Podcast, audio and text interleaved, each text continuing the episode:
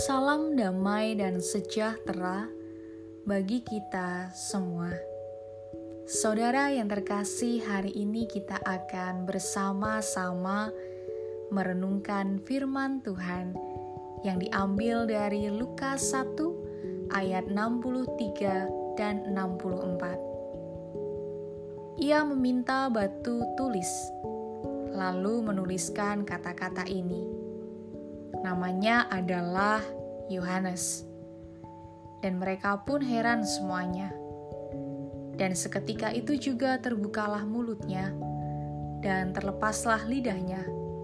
Lalu ia berkata-kata dan memuji Allah.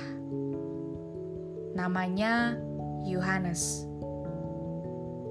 Beranikah saudara mengatakan sesuatu yang benar, sekalipun berbeda pendapat dengan keluarga besar atau komunitas saudara? Bersediakah saudara tetap taat, sekalipun banyak godaan dan ancaman? Bagaimana jawab saudara? Mungkin secara teori kita akan menjawab berani dan bersedia.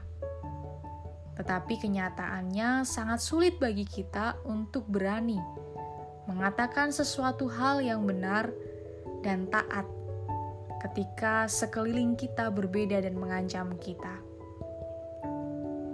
Hal ini juga dialami oleh Elizabeth dan Zakaria ketika akan menamai bayi mereka. Tetangga yang datang hendak menamai bayi mereka dengan nama Zakaria sesuai nama keluarga.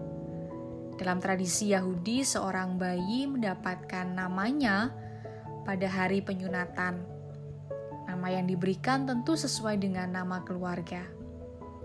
Tetapi Elizabeth berkata, "Jangan, ia harus dinamai Yohanes."